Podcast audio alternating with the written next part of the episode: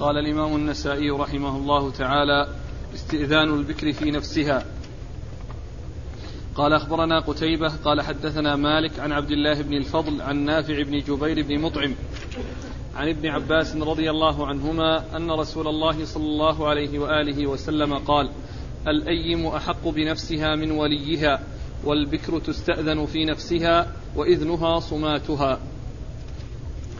بسم الله الرحمن الرحيم. الحمد لله رب العالمين وصلى الله وسلم وبارك على عبده ورسوله نبينا محمد وعلى آله وأصحابه أجمعين. أما بعد يقول النسائي رحمه الله استئذان البكر في نفسها أي أنها عند إرادة زواجها تستأذن ويطلب منها الموافقة على ذلك الزواج وموافقتها لا يلزم أن تكون بالنطق بل يكفي الصمات والصمت لحيائها فيكفي في إجابتها الصمت وألا ترد جوابا. وإن أجابت بالرفض فإنها لا تجبر على من لا ترتضيه. وقد أورد النسائي حديث ابن عباس رضي الله تعالى عنهما أن النبي عليه الصلاة والسلام قال الأيم أحق بنفسها الأيم أحق بنفسها من وليها نعم. الأيم أحق بنفسها من وليها والبكر تستأذن وإذنها صماتها والبكر تستأذن في نفسها وإذنها صماتها. والبكر تستأذن في نفسها وإذنها صماتها وقوله الأيم أحق بنفسها يراد بالأيم هنا الثيب لمقابلتها بالبكر. لكن الأيم في الأصل تطلق على كل من, من, من ليست بذات زوج سواء كانت بكرا أو ثيبا وسواء كانت متوفى عنها أو مطلقة. كل ذلك يدخل تحت كلمة الأيم. ويقول الله عز وجل وأنكحوا الأيام منكم والصالحين من عبادكم. يعني الذين هم الأيام التي التي التي لسن ذات أزواج يزوجن. ولكن المراد بالحديث هنا الثيب لأنها قبلت بالبكر. فإذا تحمل على نوع من أنواع الأيام وهن الثيبات لحصول المقابلة بالبكر. فهي أحق بنفسها من وليها يعني من حيث الموافقة. وأما من حيث العقد فليس لها حق العقد بل العقد إنما هو للولي لأنه لا نكاح إلا بولي. والمرأة لا تعقد لنفسها ولكن هذه الأحقية من حيث الاختيار والرضا والموافقة بالزوج الذي تقدم لخطبتها فإنها أحق بنفسها بمعنى أن الأمر يرجع إليها وليس لوليها أن يجبرها. والبكر تستأذن كذلك أيضا يطلب منها الموافقة ولكن لا يلزم منها أن تنطق بالجواب بل يكفي أن تصمت وألا ترد بالرفض. فإن ردت بالرفض اعتبر قولها وإن سكتت اعتبر موافقة منها. قال أخبرنا قتيبة. أخبرنا قتيبة هو بن سعيد بن جميل بن طريف البغلاني ثقة ثبت أخرج له أصحاب كتب الستة. عن مالك. عن مالك بن أنس إمام دار الهجرة المحدث الفقيه الإمام المشهور وحديثه أخرجه أصحاب كتب الستة. عن عبد الله بن الفضل. عن عبد الله بن الفضل وهو ثقة أخرج له أصحاب كتب الستة. عن نافع بن جبير بن مطعم. عن نافع بن جبير بن مطعم وهو ثقة أخرج له أصحاب كتب الستة. عن ابن عباس. عن ابن عباس عبد الله بن عباس بن عبد المطلب ابن عم النبي صلى الله عليه وسلم وأحد العباد الأربعة من أصحابه الكرام. وهم ابن عباس وابن عمر وابن وعبد الله بن عمرو بن العاص وعبد الله بن الزبير. وأحد السبعة المعروفين بكثرة الحديث عن النبي عليه الصلاة والسلام. قال أخبرنا محمود بن غيلان. قال حدثنا أبو داود. قال حدثنا شعبة عن مالك بن أنس. قال سمعته منه بعد موت نافع بسنة وله يومئذ حلقة. قال أخبرني عبد الله بن الفضل عن نافع بن جبير عن ابن عباس رضي الله عنهما أن النبي صلى الله عليه وآله وسلم قال الأيم أحق بنفسها من وليها واليتيمة تستأمر وإذنها صماتها. ثم أورد النسائي حديث ابن عباس من طريق أخرى وهو بلفظ الذي قبله إلا أن فيه واليتيمة تستأمر. نعم. تستأمر وإذنها صماتها وكلمة اليتيمة هنا يعني يحتمل أن يكون المراد بها اليتيمة التي هي الصغيرة التي آه، لم تبلغ. ويحتمل أن يكون المراد بها التي بلغت ولكن المراد بذلك باعتبار ما كان.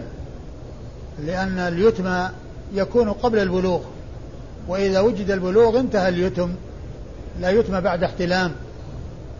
فهي إما أن يكون المراد بها أنها على بابها وأنها تستأذن وهي صغيرة لم تبلغ أو أن المراد بها التي بلغت ولكن اليتم باعتبار ما كان وليس باعتبار الحال. ومثل قول الله عز وجل وابتلوا اليتامى حتى إذا بلغوا النكاح فإن آنستم منهم رشدا فادفعوا إليهم أموالهم. فهم يتامى باعتبار ما كان. هم باعتبار ما كان. هم أموال يتامى هم يتامى واليتم باعتبار يطلق عليهم اليتم باعتبار ما كان. آه وهو مثل الذي قبله يعني من من من حيث اللفظ إلا أن فيه لفظ اليتيمة بدل البكر. قال أخبرنا محمود بن غيلان. أخبرنا محمود بن غيلان المروزي وهو ثقة. أخرج حديث أصحاب الكتب الستة إلا الترمذي. إلا أبا داود. أخرج حديث أصحاب الكتب الستة إلا إلا أبا داود. عن أبي داود.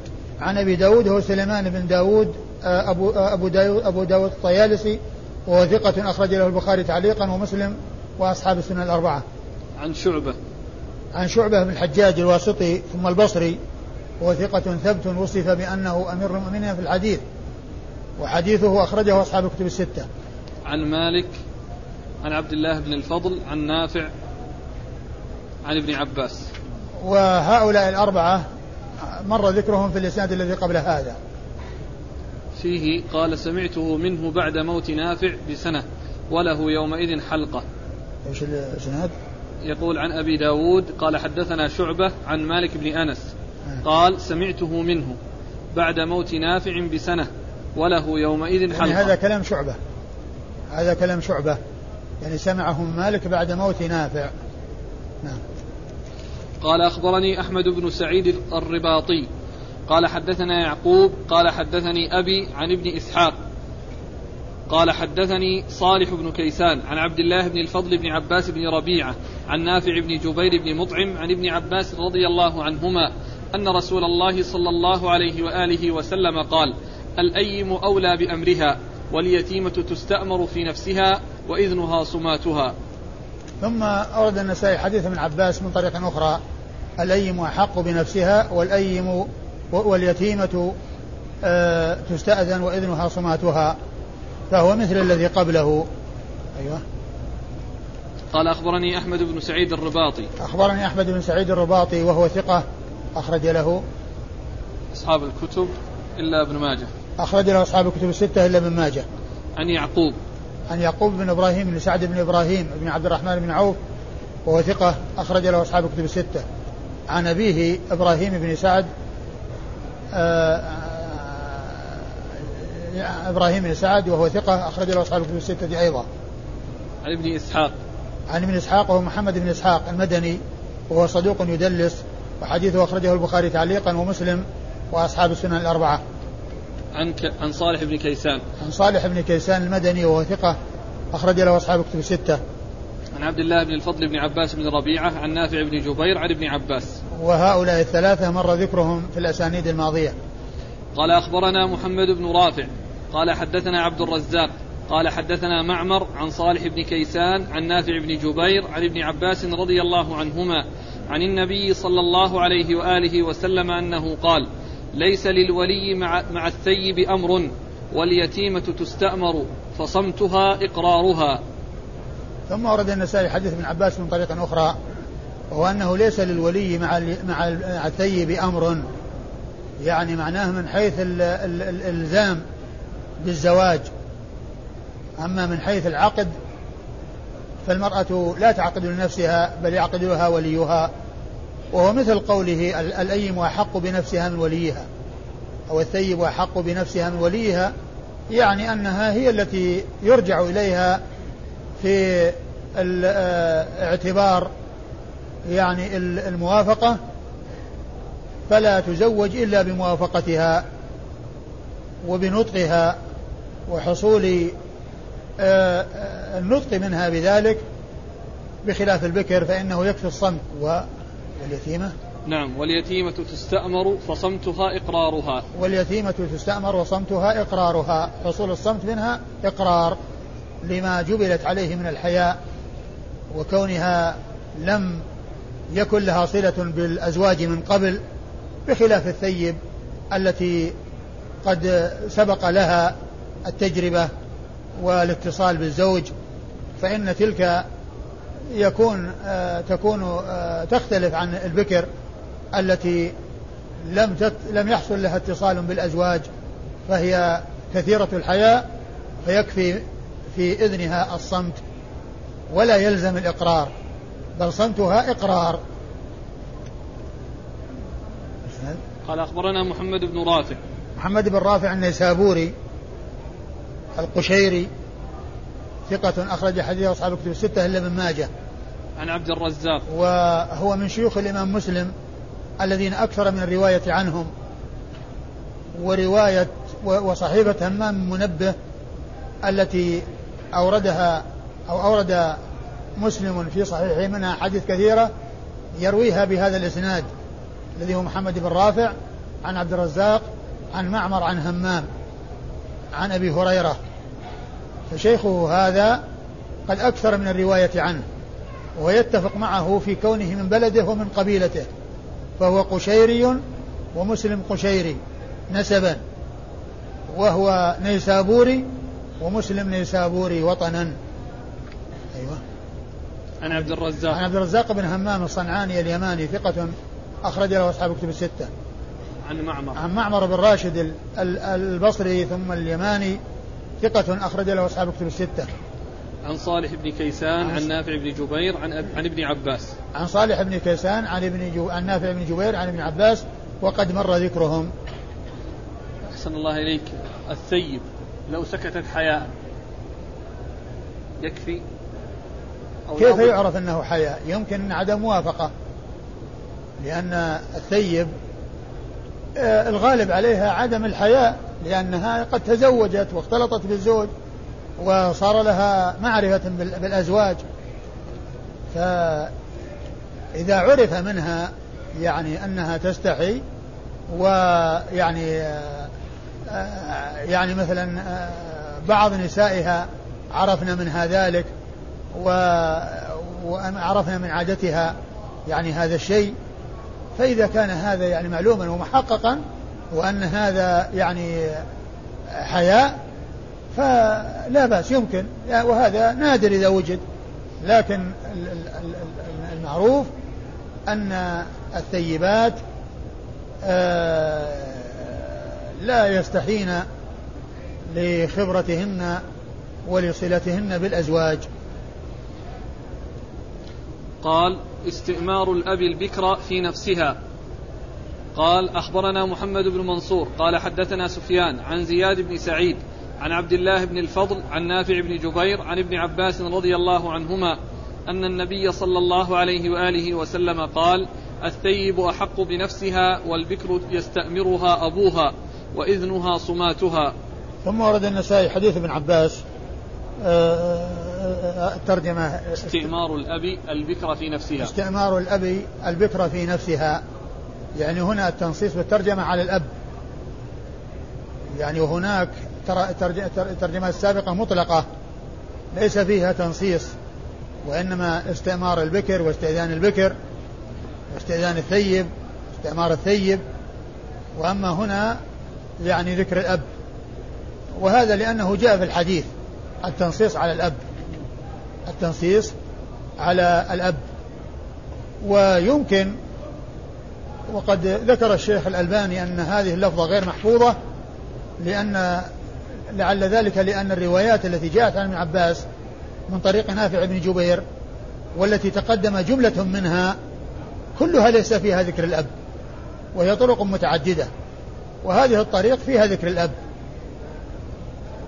ويحتمل أن تكون محفوظة ويكون المقصود من ذلك التنبيه بالأعلى على ما دونه وأنه إذا كان الأب يعني وهو أبوها الذي هو أخص الناس بها وأعرف الناس بمصالحها وأحرص الناس على مصالحها يحصل منه ذلك وأنه لا يجبرها بل يستأذنها ويستأمرها فإذا غيره من الأولياء الذين هم دونه من باب أولى كالأخ والعم وابن الأخ وابن العم وغيرهم من العصبة الذين لهم حق الولاية على المرأة في عقد النكاح. أورد النسائي حديث ابن عباس الأيم. الثيب أحق بنفسها. الثيب أحق بنفسها والبكر يستأمرها أبوها وإذنها صماتها. والبكر يستأذنها أبوها وإذنها صماتها. والمقصود من ذلك أن البكر آه، يستأذنها أبوها وغير أبيها. يعني معناه أنها تستأذن. وإذا كان الأب يستأذنها فغيره من باب أولى. فغيره من باب أولى. قال أخبرنا محمد بن منصور. أخبرنا محمد بن منصور آه، هو الجواز المكي ثقة أخرج حديثه النسائي وحده. عن سفيان وهو بن عيينة المكي وهو ثقة أخرج له أصحاب الكتب الستة. عن عندنا عن زياد بن سعيد. ما في عمرو؟ إلا. ما في محمد سفيان؟ إلا إلا صحيح بس بعده. يعني اثنين؟ لا لا كما ذكرتم يا شيخ. آه. بس بعد سفيان مكتوب عندنا في النسخة زياد بن سعيد. لا الاسناد وش بس صحيح كما ذكرتم. أخبرنا محمد بن منصور. أيوه. قال حدثنا سفيان أيوة. عن زياد. هو زياد بن سعد. نعم. وليس بن سعيد. لكن سفيان هو بن عيينة وهو ثقة أخرج له أصحاب الكتب الستة عن زياد بن سعد وهو إيش؟ ثقة أخرج له أصحاب الكتب. وهو ثقة أخرج له أصحاب الكتب الستة.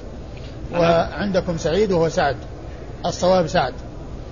أيوه. عن عبد الله بن الفضل عن نافع بن جبير عن ابن عباس. عن عبد الله بن الفضل عن نافع بن جبير عن ابن عباس وقد مر ذكرهم. قال استئمار الثيب في نفسها. قال أخبرنا يحيى بن درست. قال حدثنا أبو إسماعيل. قال حدثنا يحيى أن أبا سلمة حدثه عن أبي هريرة رضي الله عنه أن رسول الله صلى الله عليه وآله وسلم قال لا تنكح الثيب حتى تستأذن. ولا تنكح البكر حتى تستأمر. قالوا يا رسول الله كيف إذنها؟ قال إذنها أن تسكت. ترجمة هي؟ استئمار الثيب في نفسها. استئمار الثيب في نفسها. يعني ال ال ال العبارات التي يعني ذكرها النسائي يعني ذكر الاستئذان وذكر الاستئمار. وهما بمعنى واحد. وهنا قال آه، استئمار الثيب.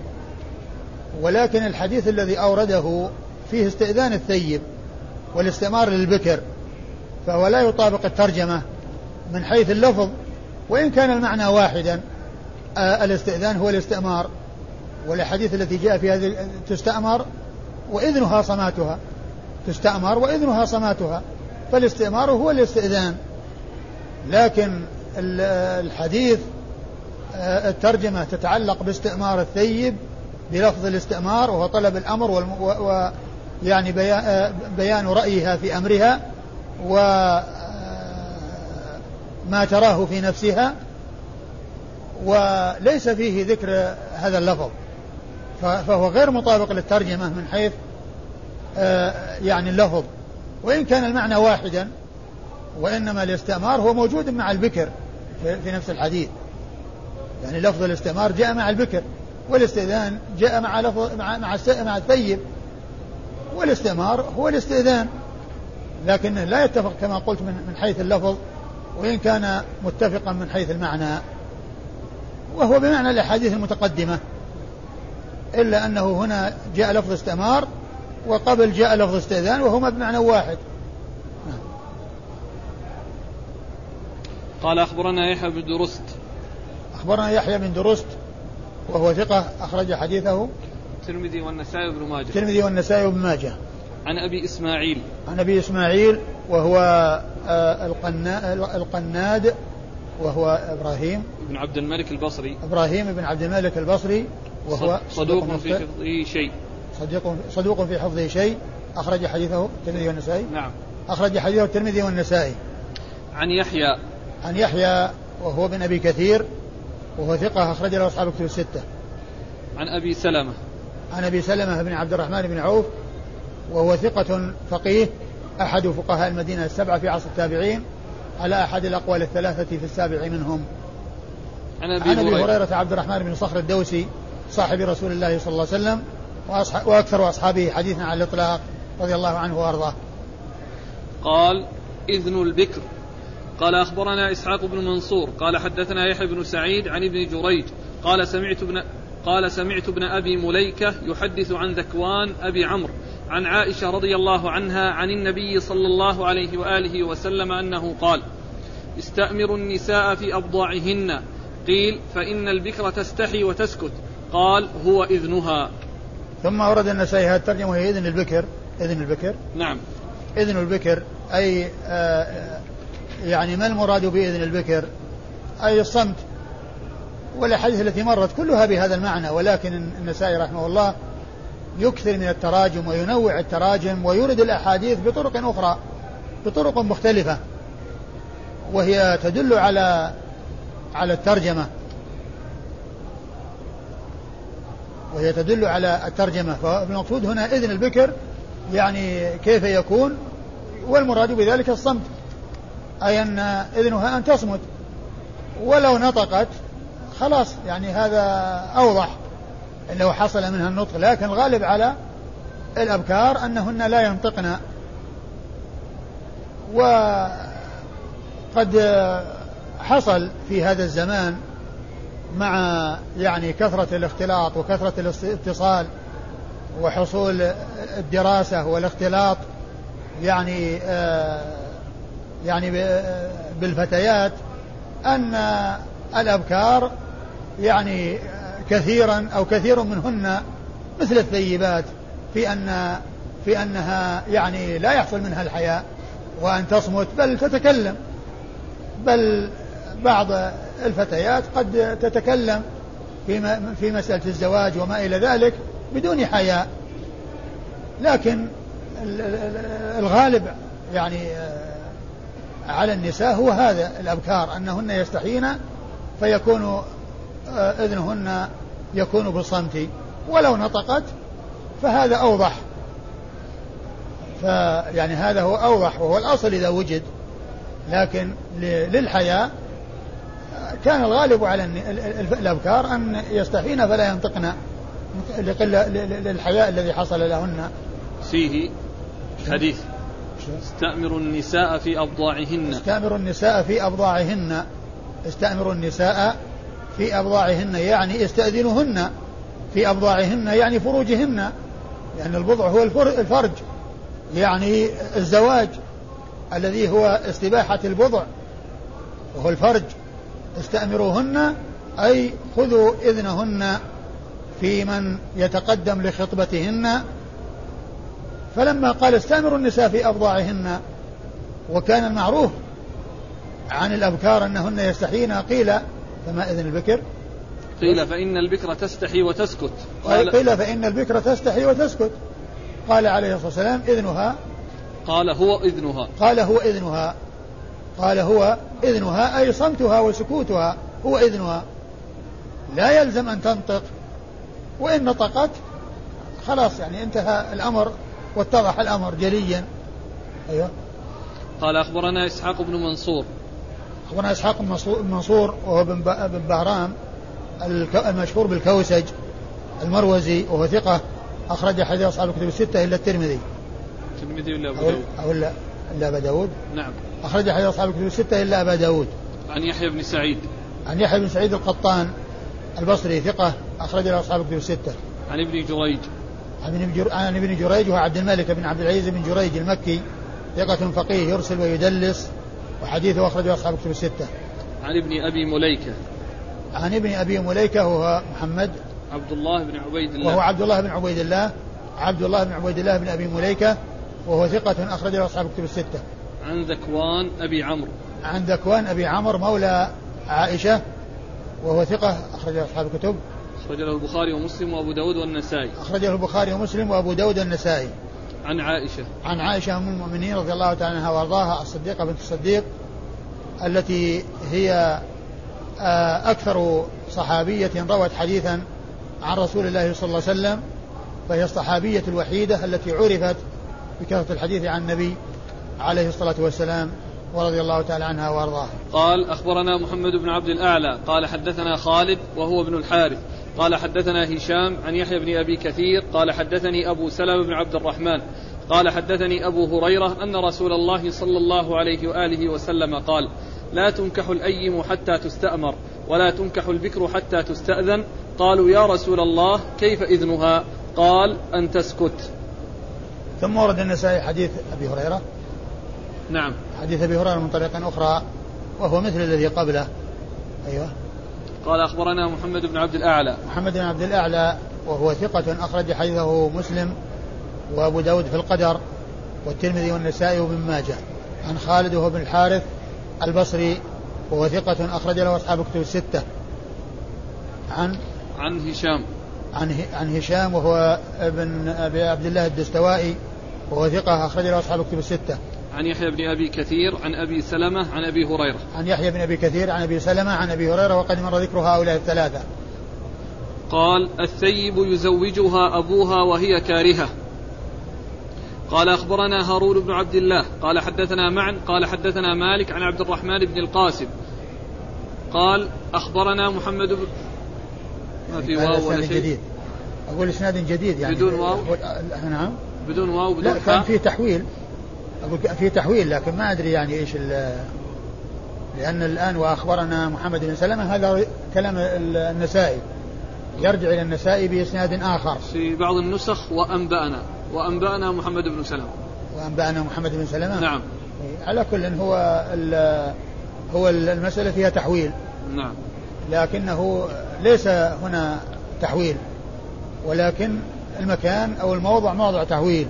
وهو التحول من اسناد إلى اسناد أيوه.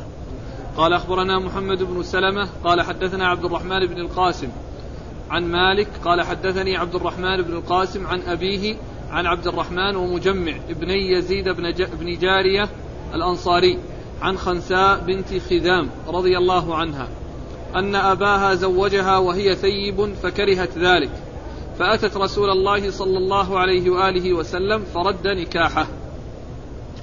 ثم ورد النسائي آه الثيب يزوجها الثيب يزوجها أبوها وهي كارهة. يعني لما ذكر فيما مضى الأحاديث التي فيها استئذان الثيب وأن يعني وأنها حق بنفسها من وليها أتى بهذه الترجمة وهي ما إذا زوجت وهي كارهة فما الحكم؟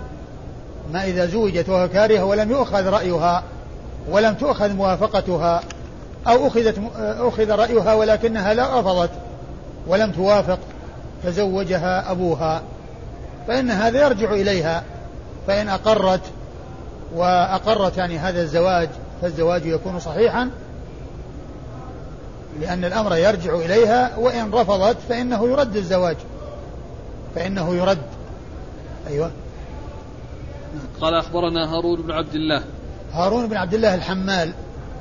البغدادي ثقة أخرج حديث أصحاب الكتب أخرج أصحاب أصحاب الكتب الستة إلا البخاري مسلم وأصحاب السنة الأربعة. عن معن عن معن بن عيسى وهو ثقة أخرج حديثه أصحاب الكتب الستة. عن مالك. عن مالك بن ابن أنس إمام دار الهجرة وقد تقدم ذكره قريبا. عن عبد الرحمن بن القاسم. عن عبد الرحمن بن القاسم ابن محمد بن أبي بكر الصديق وهو ثقة أخرج حديث أصحاب الكتب الستة. ثم قال أخبرنا محمد بن سلمة. ثم أتى بإسناد آخر وكان والأصل في هذا أن يكون في حاء حاء التحول من إسناد إلى إسناد. محمد بن سلمة المرادي المصري وهو ثقة أخرج حديثه مسلم وأبو داود والنسائي وابن ماجه. القاسم. عن عبد الرحمن بن القاسم وهو صاحب الإمام مالك. صاحب الإمام مالك وهو ثقة أخرج حديثه البخاري ومسلم وأبو داود في المراسيل والنسائي. عن مالك عن عبد الرحمن بن القاسم. عن مالك عن عبد الرحمن بن القاسم. عن مالك عن عبد الرحمن بن القاسم. و وهو الذي مر ذكره لأن الإسنادين يلتقيان عند عبد الرحمن بن القاسم الذي هو شيخ الإمام مالك. لأن هذا الإسناد للإمام للإمام مالك فيه شيخ اسمه عبد الرحمن القاسم وله تلميذ اسمه عبد الرحمن بن القاسم. فاتفق اسم التلميذ واسم الشيخ. وهذا يعني نوع من أنواع علوم الحديث يسمونه تشابه الطرفين. تشابه الطرفين يعني اللي هو اللي هو يعني آه يتوسط بينهما آه يعني الراوي يعني بأن يتفق آه اسم شيخ الراوي وتلميذه. اسم شيخ الراوي وتلميذه. وهنا اتفق معه في الاسم والنسب عبد الرحمن بن القاسم صاحب الإمام مالك الذي يروي عنه كثيرا وعبد الرحمن بن القاسم ابن محمد بن أبي بكر شيخ الإمام مالك. نعم. له اسم هذا النوع؟ ها؟ يسمون تشابه الطرفين. تشابه الطرفين.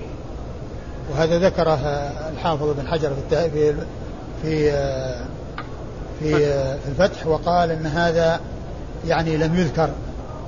مما مما يستدرك يعني ونوع من أنواع علوم الحديث ما ذكره ابن الصلاح فيضاف إلى أنواع علوم الحديث. أظن حتى السيوطي ما ذكر. نعم. حتى السيوطي. إيه لكن أظن الحافظ بن حجر ذكره في النخبة. اظنه ذكره في النخبة. يعني واستدرك على من قبله. لكنه ذكر في الفتح وقال إنه تشابه الطرفين وأن يتفق اسم شيخ الراوي وتلميذه. عن عبد الرحمن بن القاسم عن أبيه. عن أبيه محمد القاسم ابن محمد بن أبي بكر. القاسم ابن محمد ابن أبي بكر الصديق وهو ثقة فقيه أحد فقهاء المدينة السبعة في عصر التابعين وحديثه أخرجه أصحاب الكتب الستة. عن عبد الرحمن ومجمع ابني يزيد بن جارية الأنصاري. عن عبد الرحمن ومجمع ابن يزيد بن جارية الأنصاري. أولا عبد الرحمن بن يزيد بن جارية وهو ثقة أخرج حديثه. يقال ولد في حياة النبي صلى الله عليه وسلم وذكره نعم ابن يقال يقال ولد في حياة النبي صلى الله عليه وسلم وذكره ابن حبان في ثقات التابعين. فهو إن كان رأى النبي صلى الله عليه وسلم فهو صحابي وإلا فهو من ثقات التابعين. وحديثه أخرجه البخاري وأصحاب السنن. البخاري وأصحاب السنن. أما أخوه مجمع ابن يزيد بن جارية فهو صحابي وحديثه أخرجه أصحاب الكتب الستة.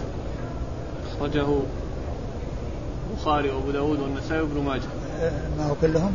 البخاري وابو داود والنسائي وابن ماجه. عن خنساء بنت بنت خذام. عن خنساء بنت خذام الصحابية وحديثها أخرجه مثل نعم. مثل تلميذها نعم. آه البخاري وأبو داود والنسائي وابن ماجه. الظاهر يا شيخ ما علقتم على الحديث مثل الحديث. أنا قلت يعني أن الحديث يعني آه، فيما إذا تزوج آه، زوج الرجل آه، قلت أن الأحاديث التي مرت فيها استئذان الثيب وأنها حق بنفسها من وليها وهذا فيه ما إذا زوجها وهي كارهة فما الحكم؟ هل يقر ذلك الزواج أو يرجع الأمر إليها؟ أو يرجع الأمر إليها؟ وقلت إنه يرجع الأمر إليها.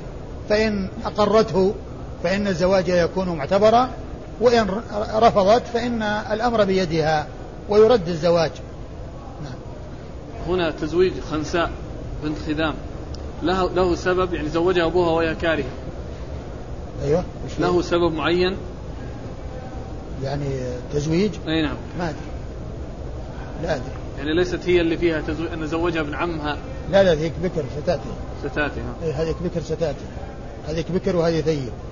قال البكر يزوجها أبوها وهي كارهة. قال أخبرنا زياد بن أيوب قال حدثنا علي بن غراب قال حدثنا كهمس بن الحسن عن عبد الله بن بريدة عن عائشة رضي الله عنها أن فتاة دخلت عليها فقالت إن أبي زوجني ابن أخيه ليرفع بي خسيسته وأنا كارهة. قالت اجلسي حتى يأتي رسول حتى يأتي النبي صلى الله عليه وآله وسلم. فجاء رسول الله صلى الله عليه وآله وسلم فأخبرته فأرسل إلى أبيها فدعاه. فجعل الأمر إليها. فقالت يا رسول الله قد أجزت ما صنع أبي ولكن أردت أن أعلم أل النساء من الأمر شيء؟ ثم ورد النسائي حديث عائشة حديث هذه الترجمة وهي تزويج الأب. البكر يزوجها البكر أبوها. يزوجها أبوها وهي كارهة. يعني ما حكم هذا الزواج؟ هل الأمر ينفذ ولا رأي لها أو أن الأمر يرجع إليها؟ الأمر يرجع إليها. إن أقرت فذاك وإن لم توافق فالأمر بيدها. وقد أورد النسائي حديث عائشة رضي الله عنها أن فتاة جاءت إلى عائشة رضي الله عنها وأرضاها وقالت إن أبي زوجني من ابن عمه أو ابن أخيه ابن أخيه. ابن أخيه ليرفع بي خسيسته يعني أنه آه، يعني رديء وأنه أن أراد أن يرفع من شأنه. بتزويجه من ابنته. والمراد بالخساسة هنا الدناءة. يعني أنه فيه عيب وفيه نقص وفيه خلل ولكنه أراد أن يرفع من شأنه بأن يزوجه. وهي كارهة هذا الزواج لم توافق عليه. كارهة هذا ذلك الزواج لم توافق عليه. فطلبت عائشة منها أن تجلس وتنتظر مجيء الرسول مجيء الرسول الكريم صلى الله عليه وسلم فلما جاء عليه الصلاة والسلام أخبرته عائشة بخبرها فدعا أباها وجعل الأمر إليها. فقالت أجزت ما صنع أبي ولكن أردت أن أعلم أللنساء شيء. أي للنساء شيء من الأمر وأن الأمر يرجع إليهن أم أن الأمر بيد الأولياء.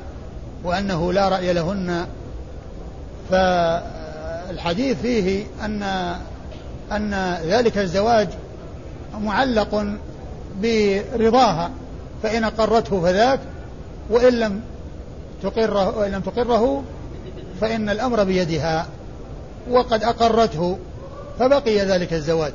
من صنيعها هذا أن تستظهر وتعلم للنساء شيء أي من الأمر يعني فيما يتعلق بأبضاعهن وفي زواجهن وقد تبين لها أن الأمر يرجع إليهن.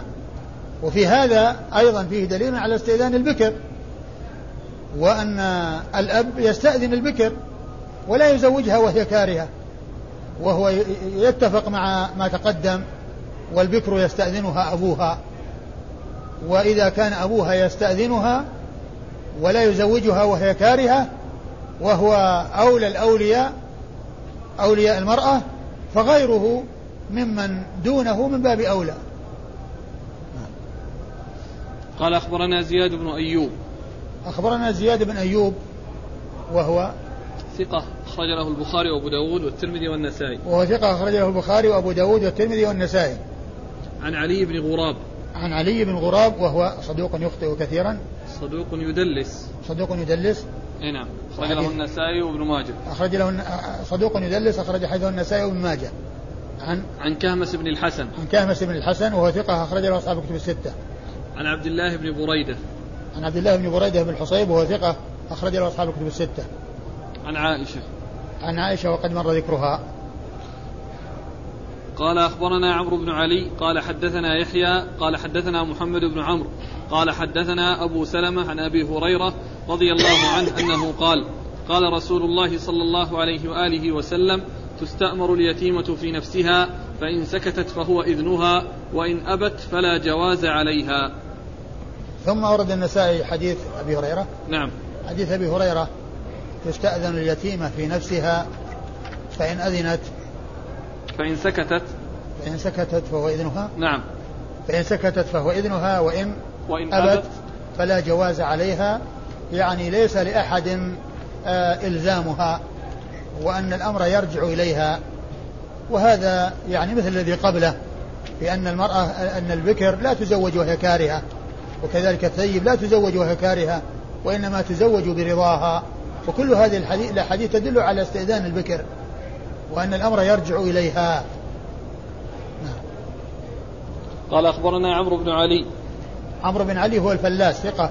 أخرج له أصحاب الكتب الستة بل هو شيخ لأصحاب الكتب الستة. روى عنه مباشرة وبدون واسطة. عن يحيى. عن يحيى بن سعيد القطان ثقة. أخرج له أصحاب الكتب الستة. عن محمد بن عمرو. محمد بن عمرو بن علقمة بن وقاص وهو صدوق له أوهام. صدوق له أوهام أخرج حديث أصحاب الكتب الستة عن أبي سلمة عن أبي هريرة عن أبي سلمة عن أبي هريرة وقد مر ذكرهما الحديث الذي قبله إيه؟ إسناده صحيح؟ أي إسناد؟ اللي قبل زياد بن أيوب عن علي بن غراب عن كامس بن الحسن عن عبد الله بن بريدة عن عائشة مش لفظة؟ أن فتاة دخلت عليها على عائشة فقالت إن أبي زوجه أي نعم زوجني ابن أخيه ليرفع بي خسيسته وأنا كارهة أي نعم. أي نعم يعني هو هو ثابت. قال الرخصة في نكاح المحرم. قال أخبرنا عمرو بن علي قال عن ويوضح الحديث الذي مر والبكر يستأذنها أبوها. نعم. ثم الأحاديث التي مرت بعده يعني وهي عامة وأنها إن أبت فلا جواز عليها. إن أقرت يعني فذاك وإلا فلا جواز عليها كل هذه بمعنى. قال الرخصة في نكاح المحرم. قال أخبرنا عمرو بن علي عن محمد بن سواء. قال حدثنا سعيد عن قتادة ويعلى بن, ويعلى بن حكيم عن عكرمة عن ابن عباس رضي الله عنهما أنه قال تزوج رسول الله صلى الله عليه وآله وسلم ميمونة بنت الحارث وهو محرم. وفي حديث يعلى بسرف. ثم ورد النسائي هذه الترجمة هي الرخصة في نكاح المحرم. الرخصة في نكاح المحرم وهذا على اعتبار أن يعني أن أن أن الحديث الذي الأحاديث التي وردت في زواج الرسول صلى الله عليه وسلم من ميمونة أنها يعني ثابتة. فعبر النسائي بها الرخصة في زواج المحرم. يعني أن ذلك سائغ. لكن الأحاديث التي وردت في زواج النبي صلى الله عليه وسلم من ميمونة عن ابن عباس قد جاء ما يخالفها مما هو أولى منها وجاء أيضا ما يدل على ذلك الذي يخالفها من الأحاديث الأخرى التي ليس لها علاقة في الموضوع نفسه لأن زواج الرسول صلى الله عليه وسلم من ميمونة جاء فيه في قصة الزواج أنه تزوجها وهو حلال وأنه تزوجها وهو محرم وهي قصة واحدة. هي قصة واحدة. بعض العلماء قال إن الأحاديث تحمل على أن قوله محرم يعني في الحرم يعني محرم يعني في الحرم وليس معناه أنه في الإحرام. وهذا فيما يبدو يعني غير واضح. وإنما القضية هي التوفيق بين الدليلين. ومن المعلوم أن الجمع يعني ما أمكن والنسخ ما يمكن لأن القصة واحدة ليس فيها نسخ ولا منسوخ. فبقي الترجيح. والترجيح قال بعض أهل العلم رجح كونه تزوجها وهو حلال على كونه تزوجها وهو محرم ووجوه الترجيح منها أن زواجها وهو حلال جاء عن ميمونة نفسها وجاء عن أبي رافع الذي هو الواسطة بينها وبين رسول الله صلى الله عليه وسلم.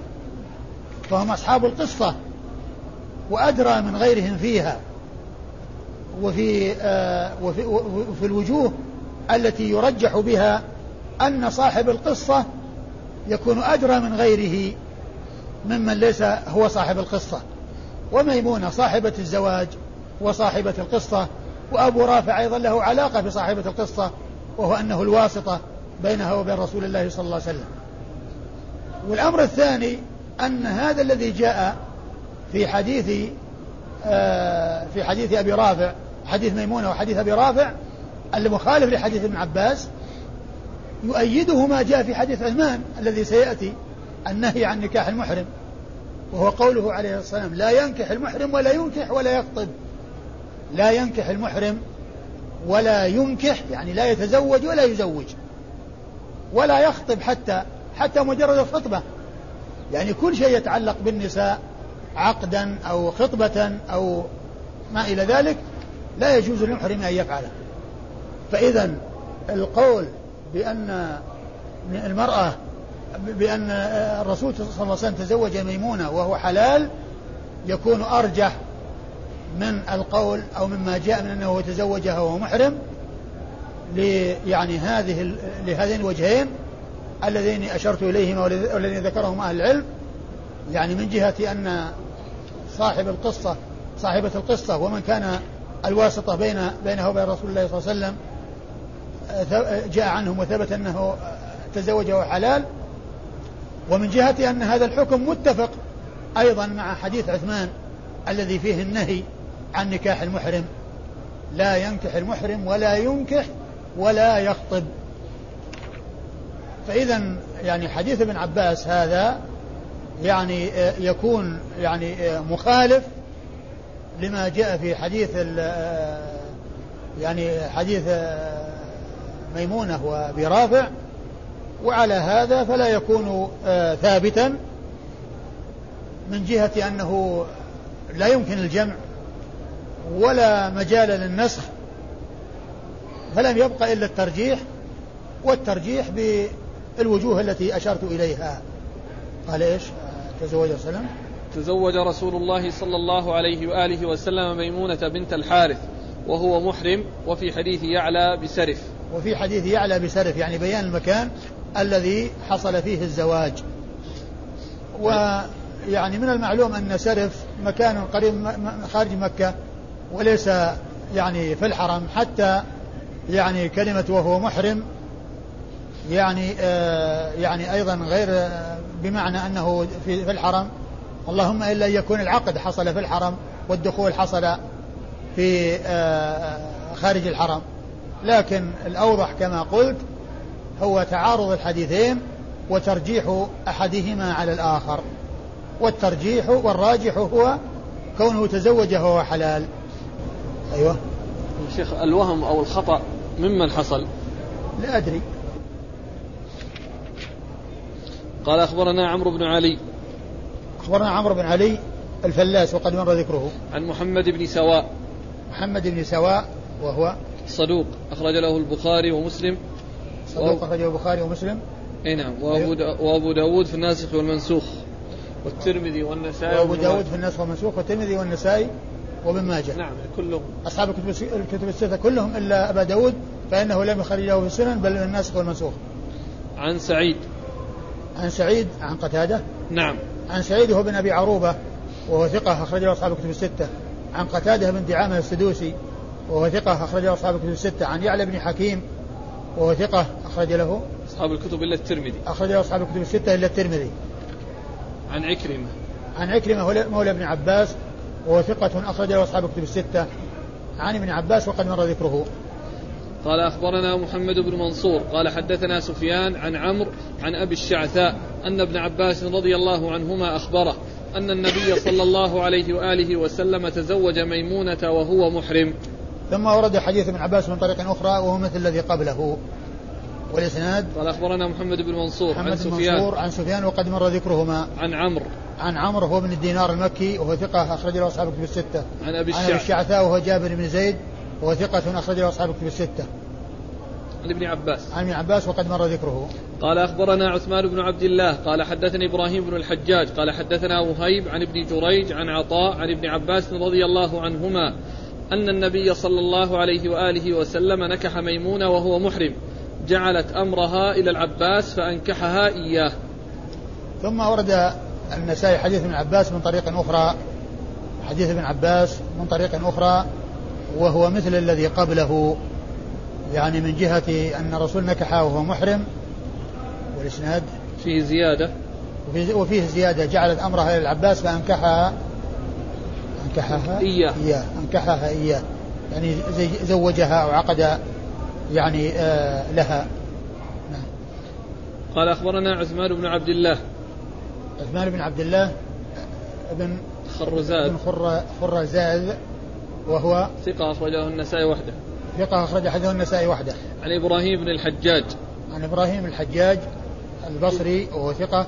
يهم قليلا. يهم قليلا أخرج حديثه. النسائي. النسائي وحده عن وهيب عن وهيب بن خالد وهو ثقة أخرج حديث أصحاب الكتب الستة. عن ابن جريج عن عطاء. عن ابن جريج وقد مر ذكره عن عطاء بن أبي رباح المكي ثقة أخرج حديث أصحاب الكتب الستة. عن ابن عباس. عن ابن عباس وقد مر ذكره. قال أخبرنا أحمد بن نصر قال حدثنا عبيد الله وهو ابن موسى عن ابن جريج عن عطاء عن ابن عباس رضي الله عنهما أن رسول الله صلى الله عليه وآله وسلم تزوج ميمونة وهو محرم ثم أورد حديث ابن عباس من طريق أخرى وهو مثل ما تقدم والإسناد أخبرنا أحمد بن نصر نعم. هو النيسابوري وهو ثقة أخرج حديثه النسائي وحده. الترمذي والنسائي. الترمذي والنسائي. عن عبيد الله وهو ابن موسى. عبيد الله هو ابن موسى وهو ثقة أخرج حديث أصحاب الكتب. نعم. أخرج حديث أصحاب الكتب الستة. وال و والباقون مر ذكرهم وهم ابن جريج عن عطاء عن, ابن عباس. عباس نعم. قال النهي عن نكاح المحرم. قال أخبرنا هارون بن عبد الله قال حدثنا معن قال حدثنا مالك والحارث بن مسكين قراءة عليه وأنا أسمع عن ابن القاسم قال حدثني مالك عن نافع عن نبيه بن وهب أن أبان بن عثمان قال سمعت عثمان بن عفان رضي الله عنه يقول قال رسول الله صلى الله عليه وآله وسلم لا ينكح المحرم ولا ينكح ولا يخطب. ثم ورد النسائي حديث آه هذه الترجمة النهي عن نكاح المحرم النهي عن نكاح المحرم وأورد فيه حديث عثمان بن عفان رضي الله عنه أن النبي صلى الله عليه وسلم قال لا ينكح المحرم ولا ينكح ولا يخطب لا ينكح ولا ينكح لا ينكح يعني لا يتزوج ولا ينكح لا يزوج بأن يكون وليا لامرأة يعقد لها يعقد لها وهو محرم ليس ليس له ذلك بل ولا يخطب مجرد الخطبة يعني أيضا كذلك لا يجوز. أيوة. إسناد. قال أخبرنا هارون بن عبد الله. هارون بن عبد الله الحمال البغدادي ثقة اخرج حديثه مسلم وأصحاب السنن. عن معن عن مالك. عن معن بن عيسى عن مالك وقد مر ذكرهم. والحارث بن مسكين قراءة عليه وأنا أسمع. والحارث المسكين وقد مر ذكره أيضا. والحارث المسكين معطوف على هارون بن عبد الله. على هارون بن عبد الله. عن عبد الرحمن بن القاسم عن مالك عن نافع. عن عبد الرحمن بن القاسم عن مالك. وقد مر ذكرهما عن نافع عن نافع نعم. عن من؟ عن نبيه بن وهب. عن نافع آه، مولى بن عمر هو؟ نعم. عن نافع مولى بن عمر وهو ثقة أخرج حديث أصحاب الكتب الستة عن نبيه بن وهب. نبيه بن وهب وهو ثقة نعم. أخرج له مسلم وأصحاب السنن. أخرج له مسلم. نبيه بن وهب. نعم أخرج له مسلم وأصحاب السنن الأربعة. عن أبان بن عثمان. عن أبان بن عثمان وهو ثقة أخرج حديث أصحاب الكتب الستة. لا أخرج له البخاري في الأدب المفرد ومسلم وأصحاب السنن أخرج له البخاري في الأدب المفرد ومسلم وأصحاب السنن الأربعة. عن أبي. عن أبيه عثمان بن عفان رضي الله تعالى عنه وأرضاه ثالث الخلفاء الراشدين صاحب المناقب الجمة والفضائل الكثيرة وحديثه أخرجه أصحاب الكتب الستة. قال حدثنا أبو الأشعث. قال حدثنا يزيد وهو ابن زريع. قال حدثنا سعيد.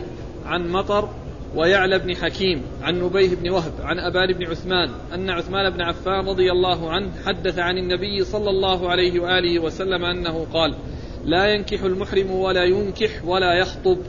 يخطب. لا يقول هو كينصر. السندي يقول ولا يخطب كينصر. اي بس هو مر يعني في فيما مضى يعني ما أدري هو السيوطي اللي اللي يعني الخطبة ويخطب لأنها كلها لأن يخطب هي الخطبة يعني خطبه خطبة الخطيب. هو خطبه النكاح. وخطبة النكاح ولكن الخطبة يعني هي خطب يخطب خطبة وذاك خطب يخطب خطبة. وقال ينصر إيه يقول كينصر من الخطبة. إيه وقد تقدم. قد تقدم. وقد تقدم الكلام على الحديثين في باب الحج لكن إيه. كينصر من الخطبة إيه. يقول. على كل يعني ف ما أدري هو فيما مضى يعني. فيما مضى ما جاء بالمضارع يا شيخ. لا ما مر بنا يعني ذكر الكسر ذكر كسر المضارع. أنتم تنطقونه بالكسر. لا ما مر. ضبطها فيما مضى. لا ما كل ما مر كل ما مر كله بالضم. إيه.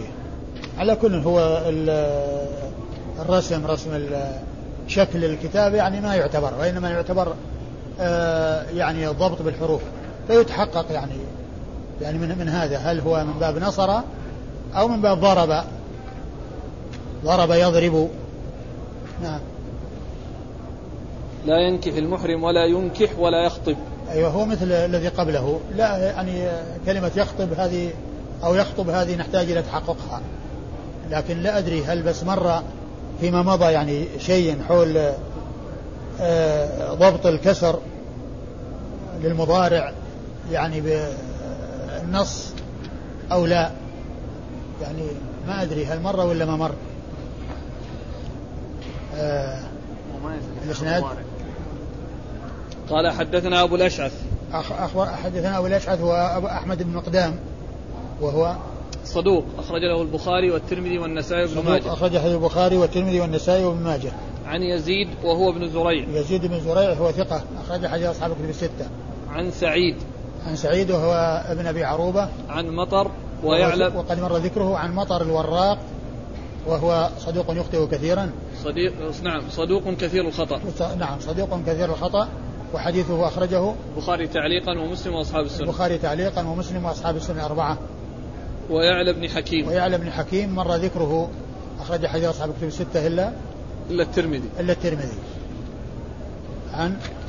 عن نبيه بن وهب عن أبان بن عثمان عن عثمان بن عفان. عن نبيه بن وهب عن أبان بن عثمان عن عثمان بن عفان. وقد مر ذكر هؤلاء الثلاثة. والله تعالى أعلم وصلى الله وسلم وبارك على عبده ورسوله نبينا محمد وعلى آله وأصحابه أجمعين.